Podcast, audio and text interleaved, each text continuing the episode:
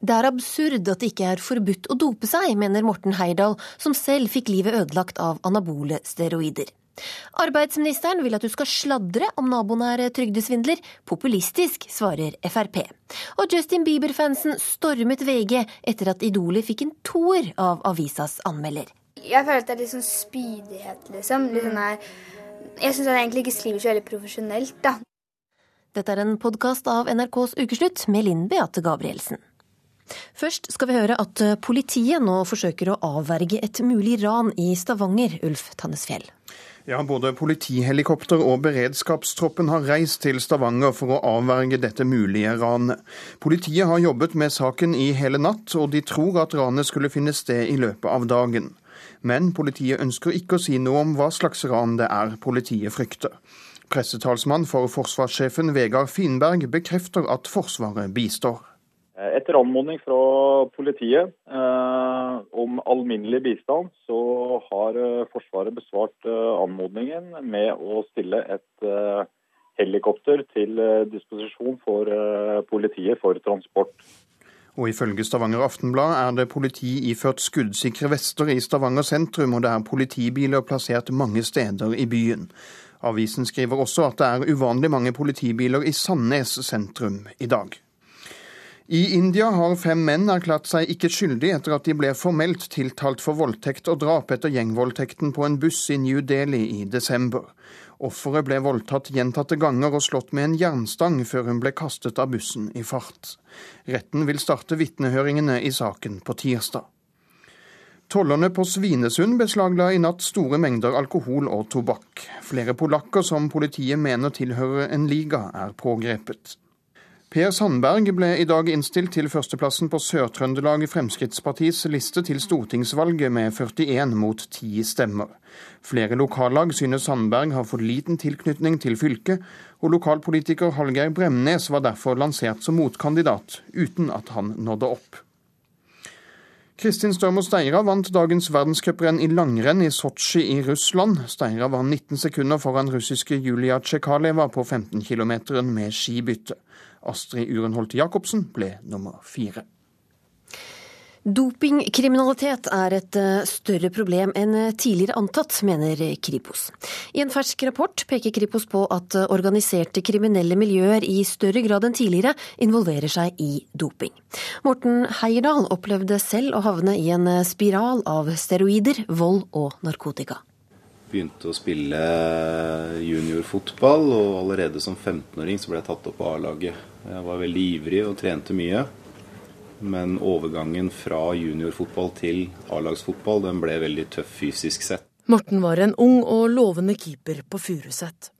Men Morten ville bli større og sterkere, fortere enn kroppen hans ble det av seg selv. Så eh, jeg begynte å trene da først på helsestudio, eh, og trente jo reint i starten naturligvis. Men jeg var jo plutselig i et miljø hvor doping var veldig vanlig. Og eh, jeg fikk jo resultater til å begynne med, men ikke de resultatene jeg ønska for å matche gutta på fotballbanen. Så eh, de i miljøet på helsestudio de var jo veldig raskt ute med å komme med eh, gode løsninger på hvordan jeg kunne bli enda bedre. Og de løsningene handlet ikke om sunne kostholdstips eller nye treningsmetoder. De innebar sprøyter og piller. Det innebar uh, bruk av anabole steroider. Uh, det er jo sånn med anabole steroider at uh, i hvert fall for min del så fikk det litt samme effekten som narkotika. Det blei en avhengighet ut av det. Det er i dag lovlig å bruke doping, og for en som har misbrukt dopingmidler i ti år, er det helt uforståelig. For meg så er det egentlig helt absurd at det ikke er ulovlig. Men jeg tror det faller ned på at det er et uh, veldig undervurdert problem som det har vært veldig lite fokus på. Uh, man har liksom ikke sett alvorligheten i det, hva det fører med seg. Men mye tyder på at myndighetene nå begynner å gjøre nettopp det. Kripos ga tidligere denne uka ut rapporten 'Den organiserte kriminaliteten i Norge'. Der har de analysert hva som blir de aller største utfordringene for politiet i år og til neste år. Blant annet så pekes det på hvordan dette er et mye større problem enn de tidligere antok, og på hvordan doping enkelt kan ses på som en inngangsport til kriminelle handlinger. Kripos-sjef Ketil Haukås mener de ser en tydelig negativ sammenheng. En utvikling over år hvor vi har sett at uh, dopingsaker ofte er kombinert med annen alvorlig kriminalitet, uh, typisk narkotikakriminalitet, og at uh, doping er en del av den organiserte kriminaliteten. Det er et forslag om å innføre forbud som nå er ute på høring fra Helsedepartementet. For politiet sin del så vil en kriminalisering av doping kreve styrking i politiet, som i dag har hendene fulle med narkotikasakene alene. Hvis man kriminaliserer bruk og beskyttelse uten å tilføre ekstra ressurser, så vil det bli vanskelig å la de sakene nå bli prioritert i forhold til narkotikasakene. Fordi det er jo det samme ressurser og kompetanse vi snakker om som skal til for å analysere dopingpreparater, som i dag analyserer narkotika. Og Der har vi allerede restanser og problemer med analysekapasitet mv. Morten Heierdal håper myndighetene snart får øynene opp for hvor alvorlig dopingmisbruk er. For han så ble det som skulle være en enkel kur, til slutt en tilværelse preget av vold og kokainmisbruk. Så eskalerte jo kokainbruken etter hvert også, eh, til at det blei eh, en, en helg innimellom, til at det blei hver helg. Til at jeg tok meg selv i å stå med en stripe kokain på husnøkkelen min på jobb en mandag morgen da følte jeg at eh, alt rakna sammen for meg. Da begynte eh, dette seriøse livet og det utagerende livet mitt å snøre seg inn i hverandre. Og jeg sto og lurte på hva i all verden hva jeg dreiv med. Selv er han i dag ferdig, helt ferdig med doping, og ønsker nå å hjelpe andre som ikke har kommet seg ut av misbruket på samme måte som han selv. Kommer aldri noensinne til å falle tilbake på de greiene der. Når man først har vært i det helvete og komme ut av det igjen, så er det eneste jeg ønsker nå, er bare å, å formidle det, all den kunnskapen og erfaringa jeg har, videre ut i samfunnet. Reportere var Martin Sontak og Ellen Borge Christoffersen. Norge anno 2040 kommer til å bestå av tre samfunnslag. Innvandrere i byen, trygda folk på bygda og en høyt utdanna overklasse som pendler mellom Oslo og London. Se trygga! Ja, mange har tatt eh, Trygdekontorets oppfordring litt for eh, bokstavelig. I fjor satte vi ny rekord i trygdesvindel. Det ble anmeldt trygdesvindel for over 210 millioner kroner. Og arbeidsministeren vil ta enda flere, og oppfordrer oss alle til å varsle om trygdesvindel. Men blir det det samme som å sladre? Femåringene i barnehagen skjønner godt at arbeidsministeren snakker om varsling. Hva er forskjellen på å sladre og varsle? Det Varsle er mye bedre enn å sladre. Jeg vet hvem som slår kjempemye her. Amma. Jeg, ikke jeg Anna, men Lilleamma. Men eh, hva, Kan du fortelle hva en hemmelighet er? Ja, det er skikkelig lett. Det er sånn at man ikke sier det til folk og sånt. Og så sier de 'vær så snill, si det til meg'. Vet du hva varsla er? Nei. Er det av og til bra å sladre? Mm, faktisk ja. Når da? Når uh, noen f.eks. har slått andre. Da kan de slå tilbake. De kan det. Men hva er å sladre, da? Det er å skylde på hverandre. Uh, Varsle er mye, mye bedre enn å sladre. Arbeidsminister Anniken Huitfeldt, hvorfor er det vårt ansvar å si fra om naboen, en kollega eller slektning driver med trygdesvindel? Først og fremst er det Nav-kontroll og Nav sjøl som avslører de aller fleste trygdesvindlerne. Men Nav får også 3000 tips. Det er veldig mange som spør meg om dette her. Veldig stort engasjement, siden jeg har engasjert meg spesielt i kampen mot trygdesvindel. Da er det mange som har spurt meg kan jeg melde fra anonymt. Og det kan folk, og derfor ønsker jeg å opplyse om det. Det er jo ikke vårt ansvar å etterforske eller spionere på andre. Hvis det er noen som skryter åpenbart at de svindler Nav, så syns jeg folk kan eh, si fra om det. Men vi har jo alle lært i skolegården i hvert fall at man eh, sladrer ikke. Er ikke dette sladring, da? Det er vel litt den holdninga som jeg vil bort fra. Du varsler hvis det er underslag, hvis det er smugling, hvis det er økonomisk kriminalitet. Men eh, når det gjelder å svindle Nav, så er det sladder. Og jeg mener at de 3000 menneskene, det er selvfølgelig noen der som kommer med reinsladder, og som blir avslørt og ønsker å ta naboen. Men mange av de menneskene de er med på å avsløre grov økonomisk kriminalitet, og vi trenger også tips fra publikum. Robert eh, Eriksson, du er leder for eh, Stortingets arbeids- og sosialkomité for eh, Fremskrittspartiet. Og hva, hva syns du om Huitfeldts oppfordring om å si fra når, når naboen svindler? La meg først få lov til å si at Fremskrittspartiet er veldig krystallklar på at man ikke ønsker noe, eller har nulltoleranse mot trygdemisbruk, og det er uakseptabelt med trygdemisbruk.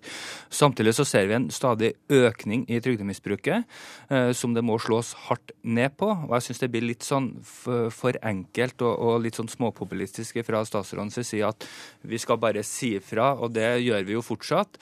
Eh, men, og jeg er enig i at man kan si ifra der det er helt åpenbart at man, eh, man driver med naving, der naboen går rundt og skryter at han driver med naving, så skal man selvfølgelig si ifra. Det er ingen som er uenig i. Men det, som sagt, det blir litt sånn småpopulistisk med at det er det eneste tiltaket i kampen mot trygdemisbruk fra den sittende regjering. Det syns jeg blir litt småblekt og litt sånn tafatt. Og så skal man ha to dimensjoner oppi det dette. Fordi at jeg har opplevd og møtt mange mennesker som har fått feil utbetaling fra Nav. Som gir beskjed til Nav at hør nå her, jeg har fått for mye uføretrygd, jeg har fått for mye arbeidsavklaringspenger, hvordan kan jeg betale tilbake det dette? Så tar det uker og måneder uten at man får tilbakebetalt det. Så får man plutselig et brev i posten der de nærmest blir eh, anholdt for å drive trygdemisbruk. Vi må også vokte oss vel for at vi ikke lager et system som setter folk i en offentlig gapes, gapestokk som ikke har grunn til å bli satt i en gapestokk. For å ta det første først, er dette småpopulistisk fra arbeidsministeren? Hvis det var det eneste jeg gjorde. Men det ligger jo flere forslag i Stortinget nå om samkjøring av registre at man skal kunne få opplysninger rett fra regnskapsfører. Altså mange nye virkemidler som vi har gitt Nav kontroll de siste årene. og Det er også årsaken til at de tar flere. Og Vi har også gitt flere millioner ekstra, 15 millioner ekstra til Nav kontroll. Så vi har gjennomført en rekke tiltak, og det er derfor antall anmeldelser også øker. Fordi Nav får flere virkemidler. Og så blir vi også strengere. De fleste kommuner nå stiller krav til sosialhjelpsmottakere. Så den myten som Frp forsøker å skape, og her blir det stadig flere som misbruker trygdeordningene våre, den er feil. Eriksson, hva tenker du konsekvensene kan bli, da?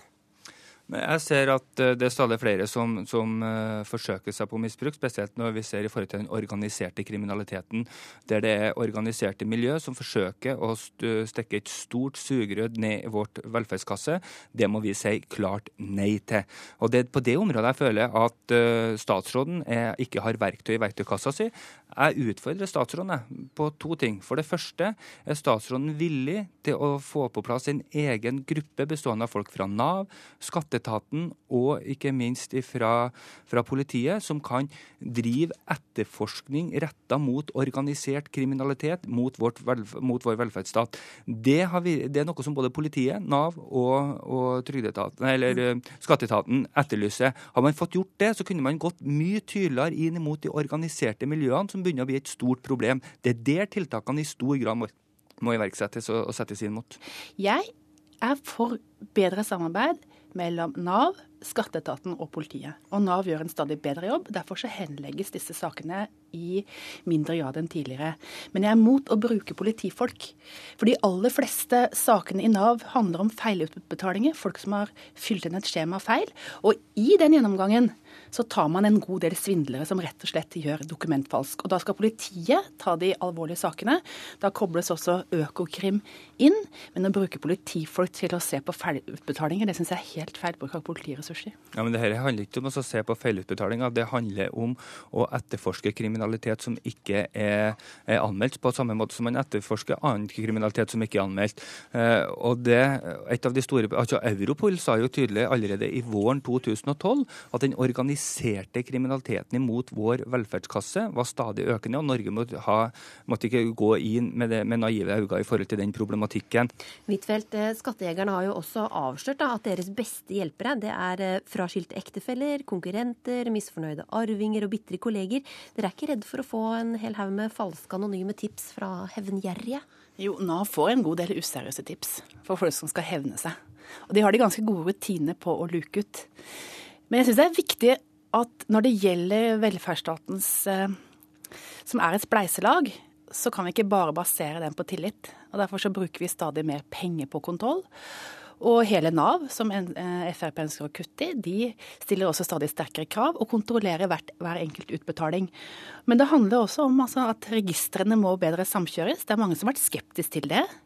Men det må vi, altså. For ellers så får vi det ikke til å ta de største svindlerne. Og for mange så handler det om ren dokumentfalsk. At man utsteder eh, feil bevis som gjør at man får dagpenger man ikke har rett på. Og I mange av de store sakene så har det nettopp vært et veldig godt samarbeid med Nav og skatteetaten. Så vi bruker mer ressurser på kontroll, og det er helt nødvendig. Mm. Men sånn som, um, Har dere selv noen gang varslet om eh, trygdesvindel eller annen økonomisk krim? Nei, det har ikke jeg. Men jeg snakker med veldig mange. Folk kommer bort til meg og sier 'hvor kan jeg varsle?' Og folk forteller meg historier. Og da gir jeg dem rådet at du kan varsle anonymt. Det er mange som ikke veit om det. Ja, hva får... er den beste måten? Hva, hva, hva, burde folk gjøre? Man kan ringe til Nav, eller man kan ringe til Nav kontroll. Og så kan man legge fram saken. Det er det 3000 mennesker som uh, gjør allerede i dag. Så det er selvfølgelig noe av det rein sladder. Men det har Nav-kontroll veldig god rutine på å luke ut, og så gir det en del tips. Og det har gitt tips også til de mange av de store sakene som Nav-kontroll har avslørt. Eriksson, eh, har du noen gang sett noe du har tenkt at dette kan være trygdesvindel, og kanskje burde meldt fra om? Nei, jeg har ikke sett det eller opplevd det sjøl, men uh, vil jeg ha, ha, sett det og ser at det er folk som åpenlyst hadde skrytt av at man hadde drevet og nava og svindla den norske stat, eller virksomheter som har gjort det, så hadde det ikke kostet meg fem flatt å si ifra, fordi der skal vi ha nulltoleranse. Men man må også ha sterkere virkemidler inn for å ta den organiserte delen av det, som blir stadig større problem. Det som er så rart med det, Robert Eriksson, det er at du kan si at man skal melde fra hvis folk snyter på velferdsstaten. Men når jeg sier det, da er jeg populistisk. Jeg sier begge deler. jeg. Si fra hvis du kjenner noen som snyter på velferdsstaten og skryter av det. Og i tillegg så gir vi mer penger til Nav-kontroll og innfører en rekke virkemidler som gjør det lettere å ta svindlerne. Du hører på en podkast av NRK Ukeslutt hvor det blir mer om dette. Nesten 1600 døgnplasser for psykisk syke er fjernet på 11 år, og flere skal bort. Uten noe botilbud kunne jeg ha tatt livet mitt, forteller psykisk syk. Og Justin Bieber-fansen stormet VG etter plateslakt, men anmelderen står på sitt. Plata er dårlig, i mine øyne. Og kjendiskokkene heier fram fett kjøtt, smør og fløte, mener slankeekspert Jeanette Rode. Grete Rode har selv bidratt til å gjøre nordmenn feite, svarer journalist Lene Vikander. De er eh, unge, de er eh, paranoide, schizofrene, og faren for at de kan begå selvmord er høy. Kirkens Bymisjon ropte varsko da det denne uka ble klart at 33 unge psykosepasienter ikke lenger skal få et botilbud når de blir skrevet ut fra Oslo universitetssykehus. Siden 2000 har 1600 døgnplasser for psykisk syke forsvunnet. Ukesluttsreporter Jelena Cabo besøkte beboerne som om noen få måneder skal klare seg på egen hånd. Og navnene er ikke deres egne. Jeg starter med eggene, tror jeg. Så, ingen skall. ja. Skal lage banankake. Det er stas når folk liker det man lager. Det er litt derfor jeg lager. Det er torsdag, og Hans skal bake kake til de han bor med. Før var han like skjør som eggene han knuser i bollen. Jeg var stort sett redd for alle. Hvis jeg var på butikken, så smøg jeg meg rundt bak uh, hyller og sånn for uh, jeg var så utrygg på folk som var rundt meg. Så liksom, jeg lette etter mennesker rundt meg som jeg på en måte oppfattet som trusler. Jeg var veldig redd for andre mennesker. Alle smil var liksom en, en uh, morsomhet på min bekostning. Eller Her er man ganske mange rundt matbordet, så det, man kan liksom samles om en ting. Da. Før han flyttet hit til Bymisjonens bolig for unge psykosepasienter, isolerte han seg fra omverdenen og ble innlagt på sykehus. Nå har han det bedre. I starten så var jeg jo Jeg gikk rundt med ansiktet vendt ned hele tiden. Og så over litt tid så ble det bedre og bedre. Nå øh, føler jeg at jeg har, jeg har Jeg har liksom noen som jeg kjenner godt, som, som ja, noen venner. Bymisjonens botilbud har hjulpet ham til å kunne omgås mennesker igjen. Her har han fått tett oppfølging av faglig kvalifisert personale og muligheten til å øve seg på å være sosial og bli selvstendig i trygge omgivelser. Nå skal hjemmene legges ned, og 33 psykotiske pasienter mellom 18 og 30 år mister tilbudet som har hjulpet Hans. Altså, hvis et sted som dette blir borte, og man blir overlatt til seg selv i en egen leilighet, så vil isolasjon være en av de største farene. Institusjonssjef ved Bymisjonens psykiatriske døgnrehabilitering er redd for at pasientene skal isolere seg når de må flytte. At du faktisk blir sittende helt alene og symptomene blomstrer, det kan føre til at folk forkommer i egne leiligheter. Det starter jo ofte med at jeg sliter med å sove, eller at jeg sover på dagen eller på feil tidspunkt. Anders forteller hvordan han merker at psykosen begynner. Jeg hadde jo bare for noen få uker siden en innleggelse for suicidalfare. For to uker siden ble Anders innlagt. Det var fare for at han kunne ta sitt eget liv. Han er bekymret for hva som hadde skjedd dersom han ikke hadde bodd et sted der noen fulgte ham opp. Nei, jeg er jo redd for at de signalene som er sendt ut, ikke hadde blitt plukka opp av noen. Og det er klart at det i ytterste konsekvens kunne ført til at det tok livet mitt. Anders gruer seg til å måtte flytte når botilbudet legges ned i sommer. For meg så oppleves det som skremmende å måtte flytte fra Louises gate. Man vil være alle andre steder og skulle ønske man bare kunne forsvinne. Og så kjører man inn i de tunnelene, og så føler man seg fullstendig sårbar og man svetter jo, og man føler at folk ser det. Det var masse jeg ikke fikk vært med på, sånn, fordi jeg klarte ikke å komme meg dit. Det ble jo bare helt over, uoverkommelig. Vondt i magen, svimmel, fikk ikke puste, hyperventilert og det var hele pakka. Ukeslutt møter Hanne. Det er ingen selvfølge for henne å kjøre med T-banen.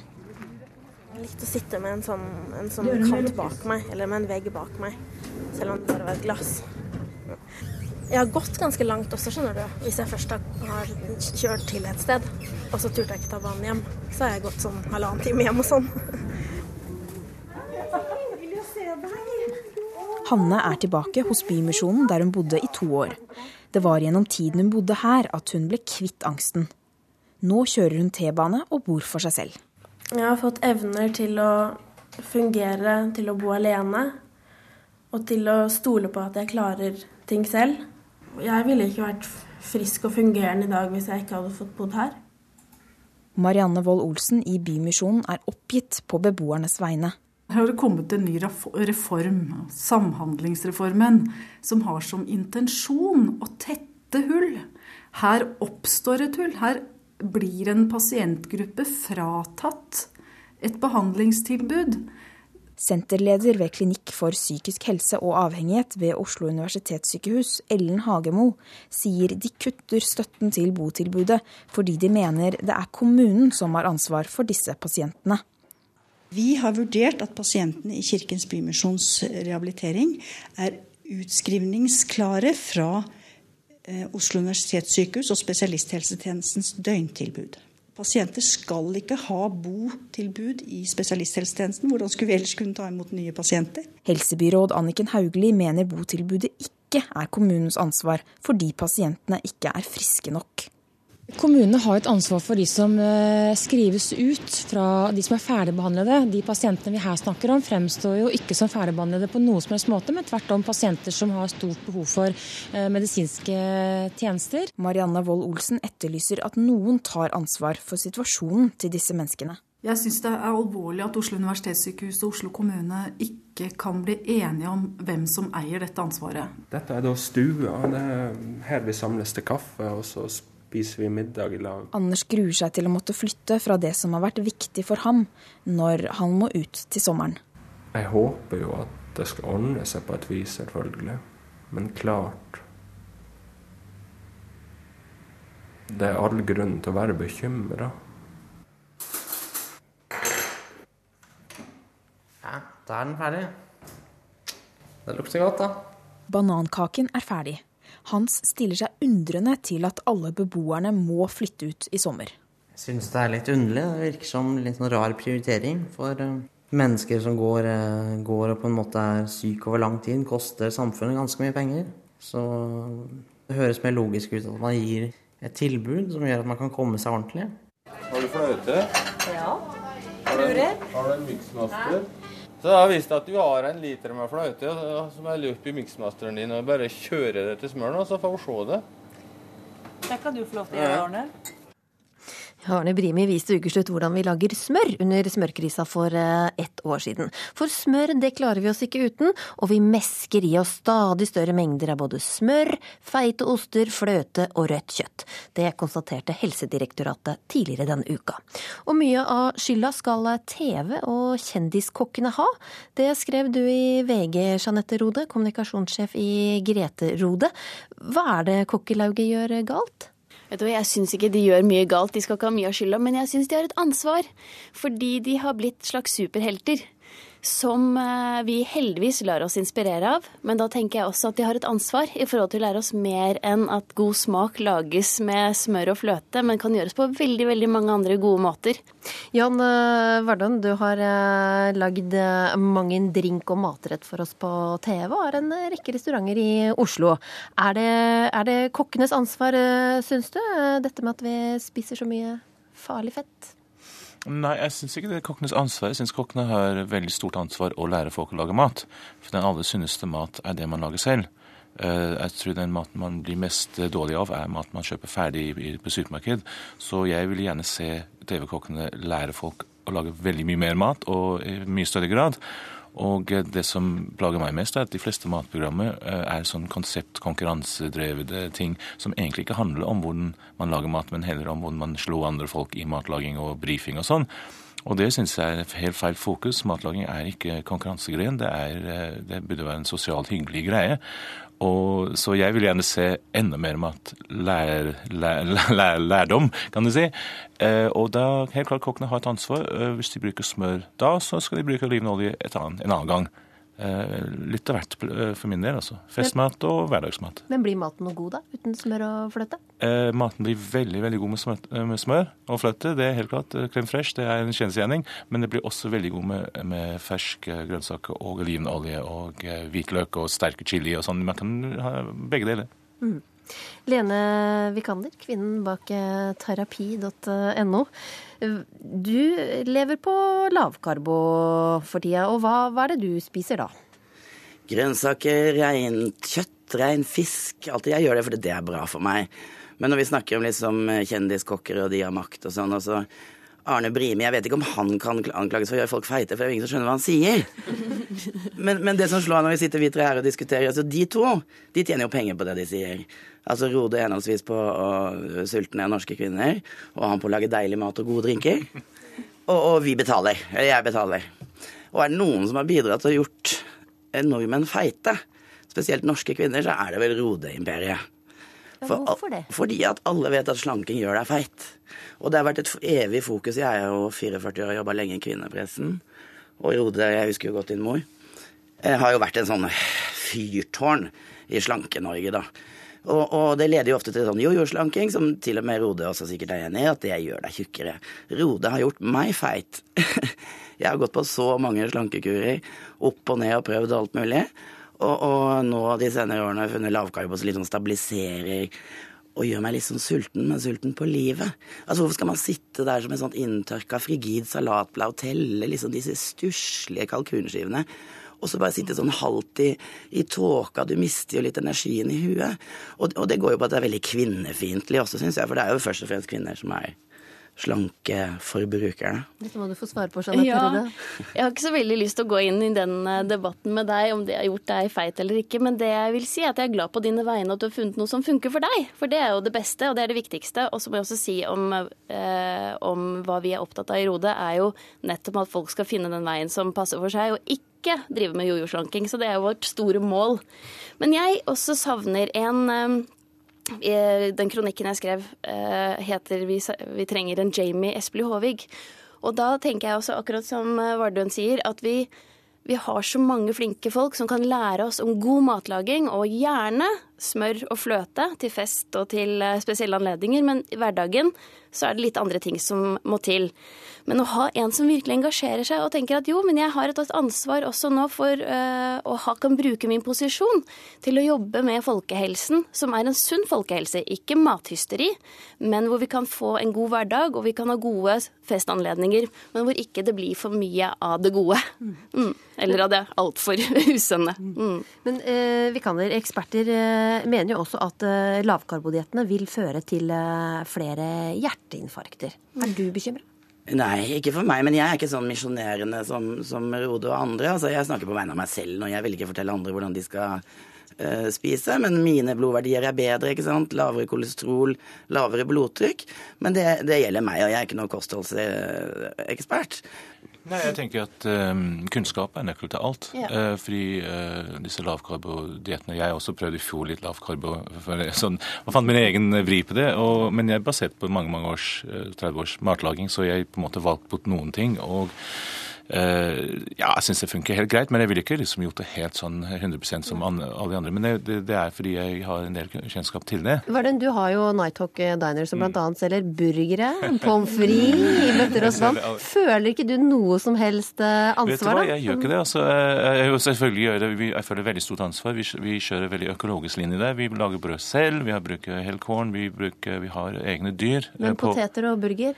Jeg syns begge to er veldig gode, veldig sunne i mindre mengder, liksom. Uh, vi har egne dyr på gård, vi har økologisk dyr, vi, uh, vi, har, vi, har, navn på dem og vi går og besøker dem og sånn. Altså, vi, vi, vi, følger maten hele veien. Men kan det være sånn at uh, når man på TV og på restauranter får servert denne helgematen, da, hvis vi er mm. enige om det, ja. så tar folk det med seg inn i hverdagen og det er ikke blitt en helgeforeteelse lenger? Det som har skjedd i Norge, at vi har så mye penger at vi har råd til å spise kjøtt hele uke, og det er en forferdelig altså, ting. Hvor mye skal man ansvarsfraskrive folk også? Du snakker om kunnskap, Varden, det er jo helt enig i. Og den kunnskapen har vi jo. Dette er ikke rocket science, ikke sant. Det handler om å ta inn mer energi enn du Nei, mindre energi enn du forbruker. ikke sant? I aktivitet. Alle vet et balansert kosthold. Vi er liksom ikke Men det er, det er vanskelige greier. Jo, men det er litt sånn sykt puter under armene på folk. Og så er det Hvorfor gjør vi alt dette her også? Det er jo litt sånn ironisk for meg. Altså, det handler jo om å leve lengst mulig, ikke sant. Være sunnest mulig.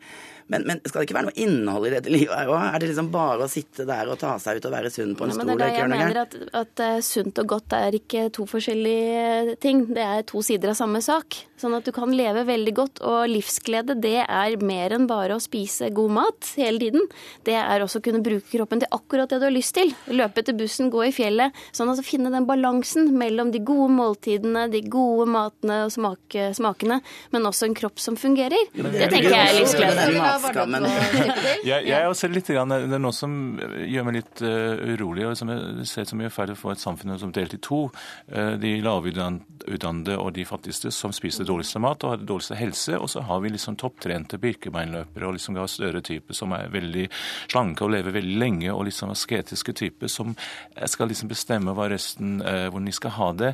Jeg, vi må på en måte ha, Alle må dele på samme kunnskapen og kunne vite hvordan liksom, hvis, hvis, du først skal spise kjøtt, f.eks., ta en skikkelig god tykk biff fra et økologisk dyr som har hengt lenge, spise den på en lørdag og ha litt smør på toppen. Det gjør biffen veldig mye bedre. Og gjør det på en lørdag og vente liksom 14 dager til neste gang. Eh, men gjør det helt ut og ordentlig, ha litt respekt for dyret og gjøre, det, gjør, liksom, ha litt glede i det. Eh, sånn jeg Kan ikke steke det i rapsolje. Men det er ikke på en mandag. Det er liksom sånn, det er, det er jo, gjerne det, altså, men... men det bygger på en måte opp under det der syndelige. Å, nå gjør vi noe gærent, liksom, og sparer det til lørdagen. Det er, det er, det sånn Synd er gøy, altså. Det, det er det beste. Men det er derfor jeg er så opptatt av akkurat det du sier, da, Vardøen, at, at uh, vi trenger noen som formidler dette her på en god Mm. måte, og som kan fortsette å ha gleden i dette her. Og tenker jeg på barna mine som går på skole, skole som skal lære å lage ordentlig potetstappe istedenfor å lage det fra pose. ikke sant? De skal lære det på TV, gjerne av TV-kokkene. Det finnes ikke noe fancy-kjøkken i dag, og det finnes knapt uh, skolekjøkken. Uh, det er de lærer det på pose istedenfor på ekte er- poteter. og- og- Og og de- det har den gitt- ordentlige Men hvis, hvis vi hadde fått en norsk sånn eh, Jamie Oliver Espelid-aktig person, hadde vi giddet å sett på hvis liksom alt fett hadde vært uh, Jeg sier ikke at alt fett skal skjæres bort, og jeg, men jeg tenker det der å virkelig få den kunnskapen opp. For jeg tror ikke at alle mennesker vet, eh, vet alt. Og jeg tror også at ikke alle tror, eller alle vet at sunn mat Og da tenker jeg ikke salatblader, da tenker jeg god mat, rett og slett, som alle kan like. Og det er noe vi trenger å lære å, å, å lage, og også vite at det hører hverdagen til med god mat. Men kan, god mat kan lages på for, så veldig mange forskjellige måter, og der har kokkene en mulighet og et ansvar, tenker jeg. Jeg har veldig lyst til å ta del i eh, det ti um, hyppigste Google-søk i Norge i fjor var hvordan koker man et egg. Ja. Uh, altså Matlagingskunnskap i Norge, det nivået er så lavt at Ja. du vil ikke tro det er veldig mye lavere enn det vi tror. Vi må få Kanskje det vi skal lage et program sammen? Jeg har veldig lyst til å få til det. Jeg har veldig lyst til å, jeg synes det beste. Vi, altså, Ingrid Espelid, vi savner henne dypt, og hun ser ikke ut som en usunt menneske. Nei. Ikke Anne Brimi heller. Selv om de begge to går på fløte. Og, Hadde du sett på, på dette? Ja, klart, god mat er god mat, men når du ser på norske dagligvarebutikker, så er det jo ikke rart at vi spiser som griser i dette landet. Vi har jo ikke noe utvalg. Alt er som eh, Rode helt korrekt påpeker. Halvfabrikata og Ta, ta en tur ned til mathallen, sier jeg. Mm. Ja, ja. Det har vært en eh, tøff uke for eh, Justin Bieber-fansen og for VGs musikkanmelder. For Biebers nye akustiske album fikk bare to da VG og Dagsavisen trillet terningene sine. Og beliberne de vet å si ifra når de synes noen har begått urett mot deres store idol. VG, god dag. Nei, når jeg kom på jobb, så hadde jo min kollega tatt unna eh, den verste bolken. Og, og jeg hørte bare et sånt fortvilt sukk ved siden av meg når neste telefonen kom. Det har vært ei tøff veke for sentralbordtilsatte i VG. For når musikkanmelderen bare gir den nye plata til tenåringsartist Justin Bieber en toer, er det de som får gjennomgå for sinte tilhengere. Nei, det var jo hyl og skrik og, og dere er teite og dere skjønner ingenting og den toeren dere har gitt Bieber, den er ikke rettferdig. Og Å kalle Bieber-musikken for døll bakkrakk-pludring gjør en ikke upåakta. Telefonene til avisa har vært mange, og meldingene er ikke av det rosende slaget. I går tok Nitimen med seg ei gruppe Bieber-tilhengere, såkalla Beliebers, til VG-huset for å konfrontere mannen bak den harde kritikken, musikkmelder Thomas Talseth. Nei, altså Jeg prøver å beskytte folket mot uh, dårlig musikk, uh, men og Hva, det- hva, det- hva sier fansen her? Hva, hva reagerer Nå er dere vi med? sinna. Dere er sinna? Nå er vi sinna. Det var, Det var det var ikke noe fint å si. De der akustiske versjonene han har eh, gjort nå, er veldig kjedelig. altså Altfor kjedelig i forhold til det han uh, er i stand til. Han, eh, Kjedelig. Det her, vi, vi bue buer litt på Thomas. Nei, Det er, det er, er Thomas. Nei, her er, her er dommen falt. Terningkast to. For så mye oppstyr har vel knapt ei musikkmelding skapa noensinne. Eh, Det, det, det er helt ko-ko.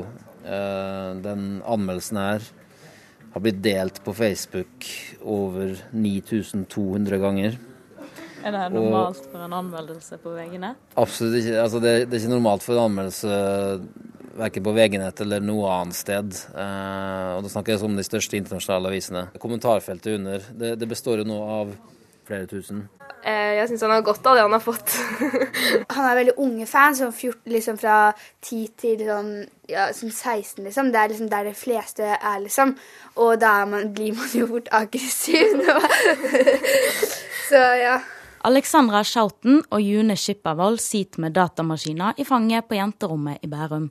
15-åringene har langt hår og hettejakke, og på veggen over senga henger Bieber i plakatformat.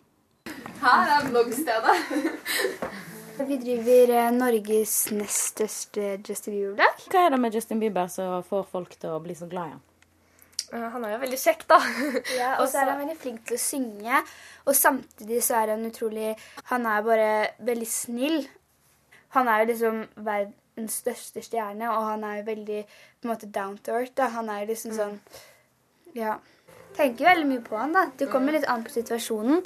Hvis man kanskje er lei seg, så tenker man også på han, fordi da hører man på sangene. Og så hvis man er glad, og hvis man Til og med om i drømmene våre. De er langt fra enige med Talseth sitt terningkast over Biebers i Believe Acoustic. Hvordan han mener at sangene er. At det er kjedelig som resten, og at alle sangene er kjedelige og sånn. Eh, og at det er en liten bagatell og en søt liten bagatell. Jeg syns han overdriver veldig, da. Blir du sint når du sier det? Ja. Jeg føler at det er litt sånn spydighet, liksom. Litt sånn her det hadde vært litt sånn, Jeg syns han egentlig ikke skriver så veldig profesjonelt, da. Og det er ikke jentene aleine om å mene, skal en tro kommentarene Talseth kan lese på VG nett. Hvorfor skulle jeg ta med nær av det? Eh, Jeg har hørt musikk før. Helt ærlig, verste anmeldelsen jeg har lest på VG noen gang. Skaff dere litt erfaring før dere kommer med så mye bullshit som ikke stemmer engang. Ja. Øh, nå er jeg litt usikker på hvor mye erfaring øh, den som skrev det, har øh, sjøl. Men øh, plata er dårlig i mine ører. Jeg blir litt såret fordi at eh, når han anmelder Justin på en så dårlig måte, så blir jeg jo selvfølgelig såret når jeg vet hvor mye han har jobbet for det. Tar du det personlig? På en måte. At jeg skal liksom sette meg inn i hodet på en 14 år gammel belieber og prøve å skrive noe derfra, det, det er utopisk. Det er, ikke, det er ikke sånn det fungerer. Liksom, kritikk er jo veldig bra, men det handler jo om hvordan man liksom sier kritikken også. Fordi jeg syns i hvert fall han der eh, som eh, liksom hadde den anmeldelsen, jeg syns han var veldig sånn eh, Han brukte litt sånne ord som var litt sånn her eh, dårlig å bruke da, når man skal anmelde noen. Og i hvert fall når han vet at eh, believers er, blir litt aggressive når folk sier sånne slemme ting om Justin og sånn. Mm. Han vet jo at vi er sånn, så jeg syns han på en måte tok litt hardt i. Ja. Talseth mener derimot han har gjort belieberne ei tjeneste. Jeg, jeg mener at belieberne kanskje burde være litt takknemlige overfor meg, fordi det de har behov for, det er å stå sammen. Eh, å være samla i, i dyrkelsen av idolet sitt. Eh, og for å optimalisere det, så må de da for det første ha et idol å dyrke, og det har de i form av uh, Bieber. Eh, Men det som hjelper de ytterligere, er selvfølgelig å ha en ytre fiende som de kan, eh, som de kan slåss mot i, i samla flokk. Det var eh, ukeslutt. Du må gjerne sende oss en e-post på ukeslutt at nrk.no, eller kontakte oss på vår Facebook-side. Ansvarlig for eh, denne sendinga var Kari Li, teknisk ansvarlig Eli Kyrkjebø, og i studio Linn Beate Gabrielsen.